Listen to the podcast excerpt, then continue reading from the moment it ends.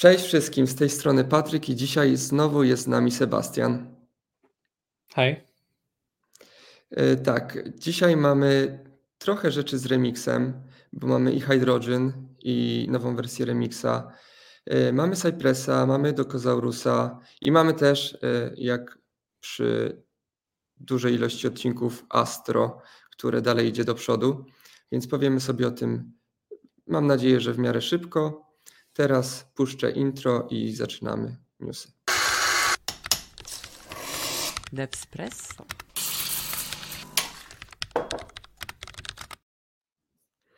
Ok, i zaczynamy z Dokozaurusem, który pojawił się w wersji trzeciej. Jest to wersja, która była zapowiadana już od jakiegoś czasu. Sebastian, którego tam niektórzy mogą kojarzyć z tego, że jest kontrybutorem do Reacta, pisał już o tym. On też ma newsletter, pisał już o tym wiele postów. My też o tym wspominaliśmy w ostatnim odcinku y, przy MDX-ie bodajże, bo Dokozaurus w tej wersji między innymi bumpuje bardzo dużo paczek. Jedną z nich jest MDX, y, o którym właśnie wspominaliśmy w zeszłym tygodniu z Łukaszem i jest on teraz w wersji trzeciej i trzeba sobie zupdate'ować y, też MDX-a, jeśli macie w projekcie.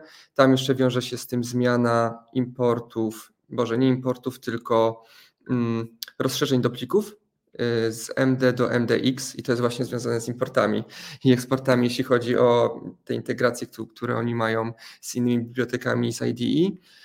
Y, oprócz Bumpa do MDX-a mamy też y, Node w wersji 18, Reacta w wersji 18. Tutaj też React w wersji 18 pozwala nam na usunięcie importów Reacta z plików, więc możecie śmiało się ich pozbyć, jeśli je macie u siebie w projekcie e, z dokumentacją. Mamy TypeScripta w wersji 5, e, mamy Mermaid w wersji 10.4, mamy jeszcze chyba dwie inne biblioteki, ale wydaje mi się, że o nich e, nikt nie wie, więc nie będę ich wspominał i przedłużał. Czym jest w ogóle Dokozaurus, bo od tego powinienem zacząć? No jest to Static Site Generator tak naprawdę, który umożliwia na podstawie plików Markdown waszej dokumentacji, y, którą trzymacie właśnie w tym Markdownie, stworzenie, stworzenie dokumentacji, która ma nawigację i tak dalej. To jest single page application y, z y, nawigacją po stronie klienta. Ma dużo takich feature'ów, które właśnie przydają się przy tworzeniu dokumentacji, tak? Jakby nie musicie nic robić, macie pliki w NDX-ie, tam czy, czy macie sam content, i on wam wszystko tam potem robi. Wchodzicie sobie na stronę, deployujecie i macie gotową tak naprawdę dokumentację. Więc bardzo spoko rzecz. W tym release mamy też yy, wsparcie dla TypeScripta ISM i ISM, więc teraz konfiguracja jest troszkę łatwiejsza i tam jest bardzo dużo tych update'ów. E, do Kozaur, jakby sam, same release notesy były ogromne tak naprawdę, jest dużo fixów. Z takich dużych feature'ów wydaje mi się, że, że, że takowych nie ma, ale za to mamy tak naprawdę dwa blog posty, które też są e, duże, e, jeśli chodzi o objętość, jak właśnie zupdate'ować wasz projekt z wersji drugiej do wersji trzeciej jak przygotować waszą stronę, żeby też na tą wersję trzecią wejść, aczkolwiek sam, to może się wydawać, że to jest wow, ale tam trzeba dużo robić. No nie, bo sam autor jakby stwierdza, że tak naprawdę ten update mm, wiąże się z bumpami, z którymi nie powinno być w sumie problemu. Tam jest wszystko opisane, więc jeśli będziecie przechodzić na trójkę, to polecam po prostu zrobić to z dokumentacją. I to jest w zasadzie wszystko. Nie wiem, czy ty, Sebastian, miałeś styczność z Dokozaurusem i stworzeniem dokumentacji. Wiesz co, miałem, bo akurat e, część może słuchających jeszcze pamięta Dev Meetings, gdzie prowadziliśmy warsztaty, potem Despresso też się wzięło. To właśnie wprowadziłem Dokozaurusa jako e, to, to źródło e, danych lekcji e, i przetrzymywania tego całego kontentu. Więc e, wtedy faktycznie była ta wersja 1 i potem e, był e, upgrade do wersji 2 i faktycznie tutaj trochę to było dosyć, e, może nie tyle ciężko, co upierdliwe, e, jeśli chodzi o bumpowanie z wersji 1 do 2, dlatego myślę, że też mając to doświadczenie już, kiedy już raz wydawali tego majora, dlatego już ta trójka myślę, że zdecydowanie łatwiej będzie do podgrania z tego powodu. To dosyć, dosyć fajne narzędzie do Kozaurus, polecam. Dobrze, teraz mamy Remix 2.2, o którym, znaczy o wcześniejszej wersji Sebastian też miał y, możliwość opowiedzenia Wam w odcinki dwa, dwa, dwa temu odcinki, więc Sebastian przekazuje Tobie głos. Tak, Remix e, zasadniczo dał nam prezent na Halloween. E, wspominałem, tak jak właśnie tutaj e, powiedziałeś już poniekąd, co się wydarzy w tej wersji 2.2, bo przede wszystkim wszystko w tym bumpie wiąże się, kręci się de facto wokół Vita. Vit oficjalnie Unstable Support w Remixie, śmiało można korzystać. Co to oznacza? No przede wszystkim 10 razy szybszy HMR, 5 razy szybszy HDR. No i poza e, suchymi statystykami, przede wszystkim WIT e, będzie nam zapewniał, przede wszystkim wtyczki do WIT będą nam zapewniały bardzo dużo e, funkcjonalności za darmo. Nie musimy klepać sami tego kodu. Poza tym mi się wydaje tak osobiście, że dzięki Witowi też, znaczy był taki cel remixa, że pozwoli to lepiej przyjąć remixa w środowisku, E, no i pytanie, dlaczego dopiero teraz e, pojawił się WIT w remixie, jednak WIT już jakiś czas był, w, e, istnieje na rynku, już nie jeden projekt napisaliśmy w WITie. No przede wszystkim dlatego, że na początku WIT nie zapewniał stabilnej obsługi SSR, Hammer i obsługi tak naprawdę innych środowisk niż Node'owy, czyli tutaj Deno nie wchodziło w grę, Cloudflare nie wchodził w grę, więc musieli zbudować swój własny kompilator na bazie Rolapa, E, no i potem przeszli na S-Builda. No teraz, kiedy właśnie już Wit e, dojrzał do e, tej wieloaspektowości, oni też mogli się zmigrować, co też ułatwi im tak naprawdę, bo nie będą musieli customowych narzędzi utrzymywać. Więc śmiało, jeśli jesteście fanami Vita, chcecie przyspieszyć jeszcze bardziej swojego remixa, chociaż nie tak jest bardzo szybki, to możecie już próbować ten unstable, unstable plugin odpalić. Tak, jakby a propos remixa, i Vita chyba, to widziałem jakiś taki filmik, gdzie ktoś dodał remixa mm, do Astro chyba, tak by the way. I tamten HMR był mega szybki, jakby ktoś po prostu pisał na klawiaturze i w tej samej, w tym samym momencie się mm. wszystko refreshowało, więc to też było, właśnie było na Wicie jeszcze, mm, więc mega. Tak, więc jeśli już powiedzieliśmy o Astro, to możemy sobie przejść do Astro w wersji 3.4 Mamy tutaj kontynuację Astro, jakby cały czas y, pracuje nad swoim, y, nazwijmy to framework, frameworkiem i tym release mamy tak naprawdę trzy rzeczy.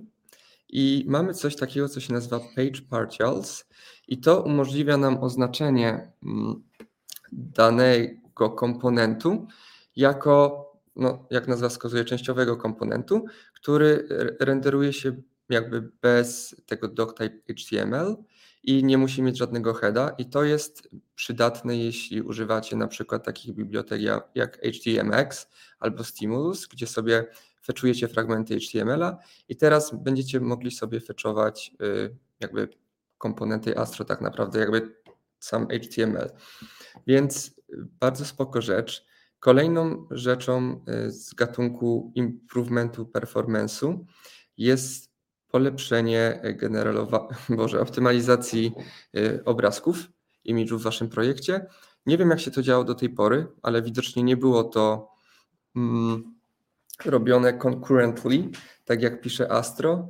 I dzięki temu, że teraz y, to przyspieszyli, to mamy bardzo szybkie buildowanie mm, projektów.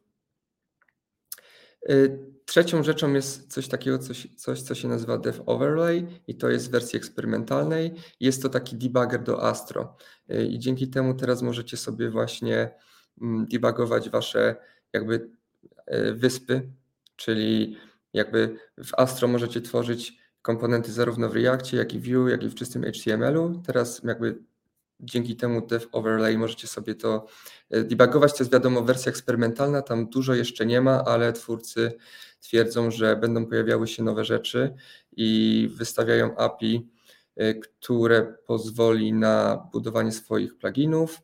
Możemy sobie, też sobie audytować wydajność, accessibility, więc e, bardzo fajna rzecz do jakby tworzenia stronek w Astro.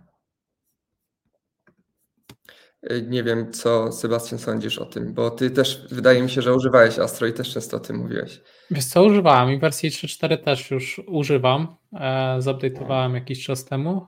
Faktycznie odpaliłem sobie to eksperymentalne dev overlay. E, co do obrazków jeszcze tam nie grzebałem za bardzo, ale generalnie jak się wczytywałem, to podobno to ma usprawnić proces, kiedy używasz jednego obrazka, znaczy jednego typu obrazka w wielu tak naprawdę formatach, czyli tutaj e, pod tym kątem optymalizacja ma być lepsza. A co do dev overlaya, faktycznie odpala się. E, zauważyłem dosyć duży trend mody, że większość bibliotek musi mieć teraz swoje DevToolsy, Aczkolwiek, tak jak wspomniałeś, one są dopiero eksperymentalne, jeszcze wiele rzeczy nie ma, ale faktycznie e, mają na celu po, po, pomóc e, e, debugować ten island architecture, który wprowadza Astro, także te testowanie accessibility, performance'u i wiele innych. No I tak jak mówiłeś, otwarte API, które ma zachęcać do e, tak naprawdę rozszerzenia ilości tych pluginów. Okej, okay, teraz mamy coś, co nawiązuje do remixa i o tym powie Wam Sebastian. Hydrogen, tak. Jest to biblioteka, w sumie framework, commerce, e, headless commerce framework, jak to e, e, fancy nazywa Shopify. E, no i do Hydrogen doczekał się kolejnej swojej wersji. E, no i tutaj nie ma przypadku, z racji tego, że Shopify jakiś czas temu kupił Remixa, e, wiadomo, miał w tym jakieś swoje cele. Hydrogen też bazuje na Remixie. Wiadomo, Remix jest szybki, więc wszystko dookoła też powinno być. E, no i Hydrogen korzystał z tej wersji jeszcze e, V1, tej jedynki e, jakiś czas temu. No i ten update, który teraz wjechał, oni mają trochę inaczej release nazwane, bo to jest 2023-10, więc rok miesiąc. Zapewnia wsparcie do remixa Vitu, więc śmiało można się update'ować. E, jak patrzyłem po dokumentacji, to zasadniczo jest to dosyć prosty step, zmiana w konfiguracji. E, poza tym dodali klienta do fetchowania z Customer e, Account API. Klasycznie zaktualizowali Storefront API. Customer Cards Method są teraz stabilne.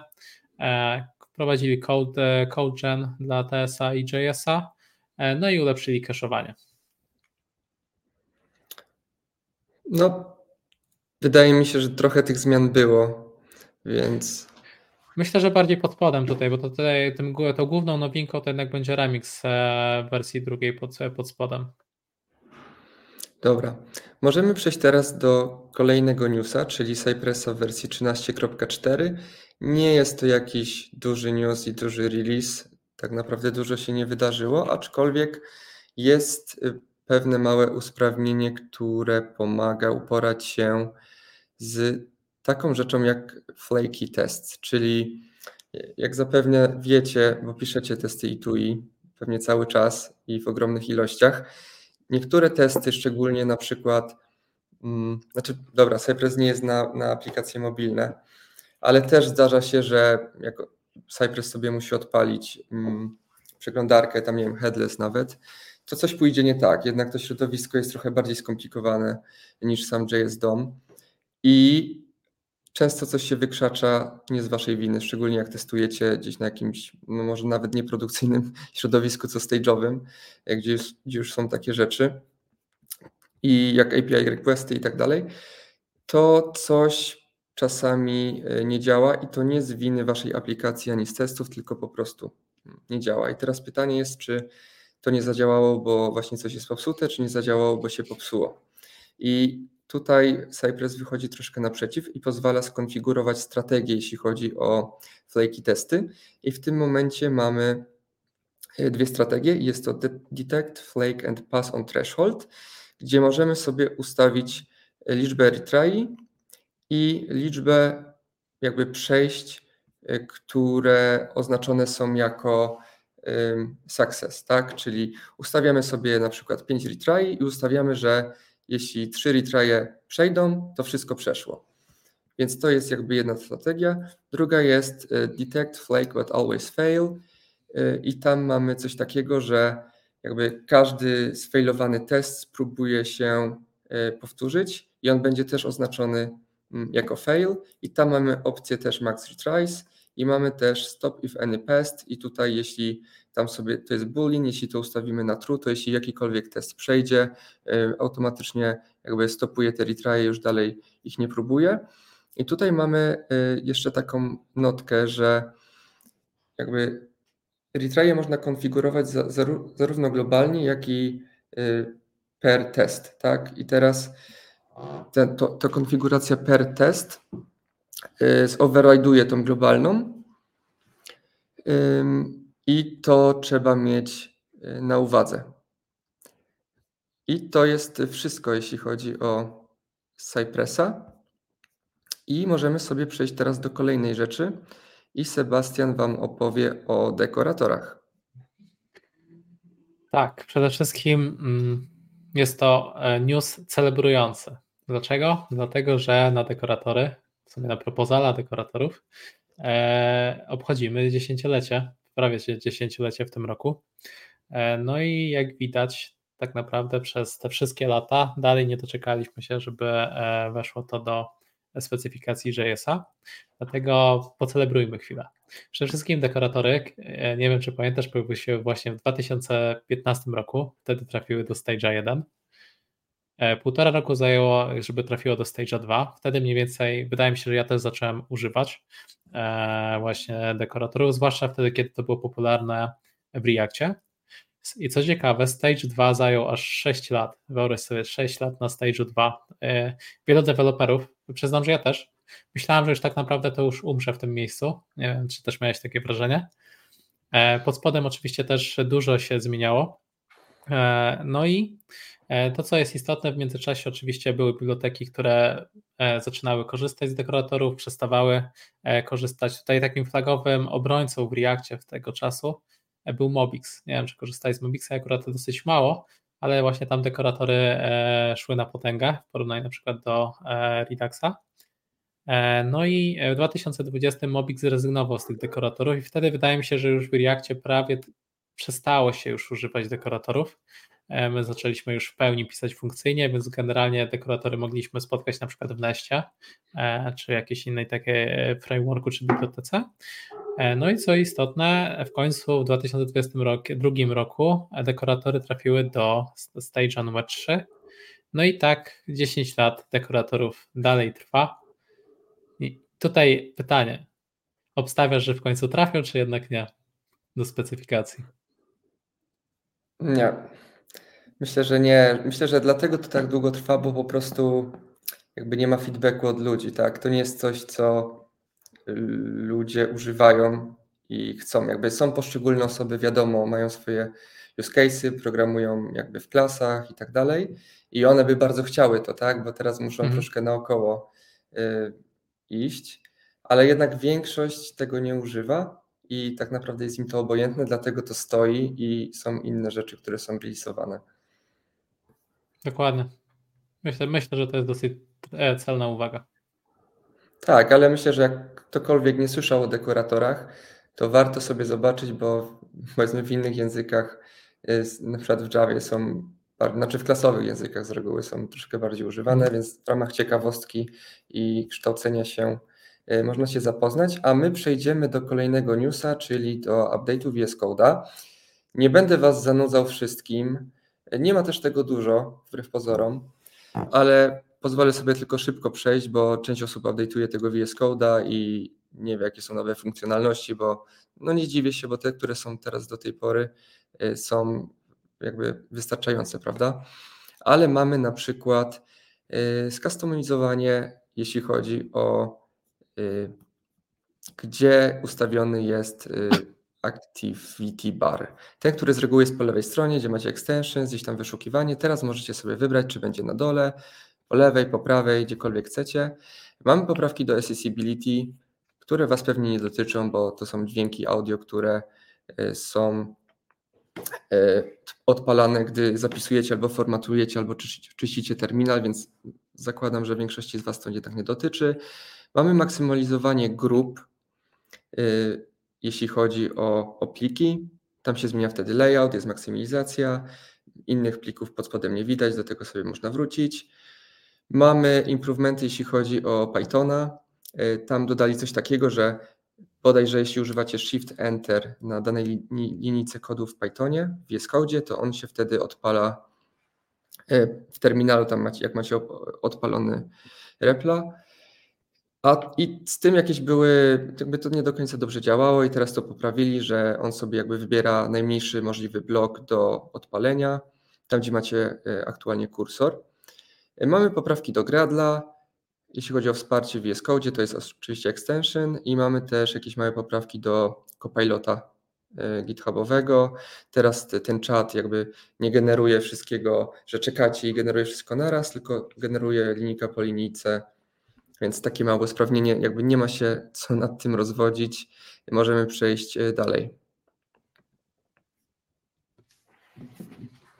GitHub Secret Scanning. Brzmi groźnie. E, niekiedy jest groźne, e, ale o co chodzi? GitHub generalnie zaczął skanować publiczne repozytoria, które znajdują się w rejestrze NPM pod kątem wycieków secretów. Generalnie Zdaje się, że bardzo dużo osób rozumie, że nie można tak robić, ale dalej e, mimo wszystko nie oszukujmy się, zdarzają się pliki .env, czy jak tam je e, nazwał deweloperzy, które zawierają rzeczy, które nie powinny znajdować się na tych repozytoriach, zwłaszcza publicznie. E, no i dzięki temu, przez to de facto GitHub zaczął skanować repozytoria, żeby rygorystycznie podejść do wykrywania tych aspektów. I teraz tak, jeśli takie skanowa skanowanie wykryje potencjal, e, potencjalnego secreta, to GitHub, e, i tutaj uwaga, nie powiadomi Was, tylko powiadomi e, serwis providera, który wystawił ten secret, i ten serwis provider musi zdecydować, czy przede wszystkim wycofa ten klucz, czy wystawi po prostu nowy, albo po prostu musi się skontaktować bezpośrednio z deweloperami, którzy e, utrzymują tą paczkę. Więc e, myślę, że to jak najbardziej jest e, bardzo dobra praktyka, jeśli chodzi o GitHuba. Ciekawe, ciekawostka jest taka, że przede wszystkim nie, nie będą nas notyfikowali, czy zostały przeprowadzone takie skany na naszym repozytorium. Właśnie tutaj jest też trochę z tego newsa nie wynika, czy w ogóle nas nie będą notyfikowali, że przeskanowali nasze repozytorium, czy nie będą nas notyfikowali, że w ogóle wykryli issue, więc e, e, ciekawe. Wydaje mi się, że jednak powinniśmy zostać e, e powiadomieni, ale dosyć fajna praktyka, że będą powiadamiać też serwis providerów, e, bo nie oszukujmy się, w wielu aspektach może być to skuteczniejsze, zwłaszcza jeśli na przykład e, deweloper po prostu nie uczestniczy już aktywnie w utrzymywaniu tej paczki albo po prostu ignoruje takie rzeczy. No, pytanie jakby na ile ci prowajderzy będą jakby robili cokolwiek z tym, tak? No bo teraz dostaną powiadomienie od GitHuba, że o to API key jest gdzieś tam używane, znaczy używane, dostępne publicznie, to jest problem. No wiesz, no i teraz oni muszą wziąć tych programistów swoich i teraz się zastanowić, co z tym robimy. Jakby, czy piszemy jakiś kod, który to shandluje, będzie coś wysyłał, dzwonił, będziemy automatycznie usuwać. Jakby, wiesz, będą musieli poświęcić trochę czasu, żeby, to ogarnąć, więc nie wiem, jak szybko to się wydarzy. Właśnie też miałem taką rozkminę, bo tych serwis providerów, nie oszukujmy się, jest tyle. Tak naprawdę każdy może secret wystawić, e, z którym musisz się połączyć. E, więc e, no jestem ciekawy, jak GitHub będzie to rozwiązywał. Pewnie na początku wylistowali to jednak tych X najważniejszych, z którymi zrobią integrację albo w jakiś sposób się będą komunikować, ale tak jak mówisz, to jest dodatkowy effort dla zespołów wystawiających właśnie e, takie tokeny. Więc zobaczymy. Dobrze. Myślę, że to wszystko, nawet nie myślę, bo jestem pewny, bo już nie mamy więcej newsów, więc myślę, że może teraz, myślę, że możemy skończyć. Wyszło w miarę zgrabnie, tak jak zawsze chcieliśmy, więc wszystkich słuchających zachęcamy do zostawienia suba, e, zrobienia reposta, dania lajka i wszystkie te rzeczy, skomentowania oczywiście. E, bardzo dziękujemy, jeśli ktoś dotrwał do tego momentu. E, ja się z Wami żegnam. E, dzięki Sebastian, że byłeś. Nie wiem, jakby czy zapisywałeś się na kolejne odcinki gdzieś tam, ale zachęcam Cię do tego, jak będziesz miał ochotę. Więc Pewnie. dzięki wszystkim i do dzięki. usłyszenia za tydzień. Na razie. Dzięki, do zobaczenia, do usłyszenia.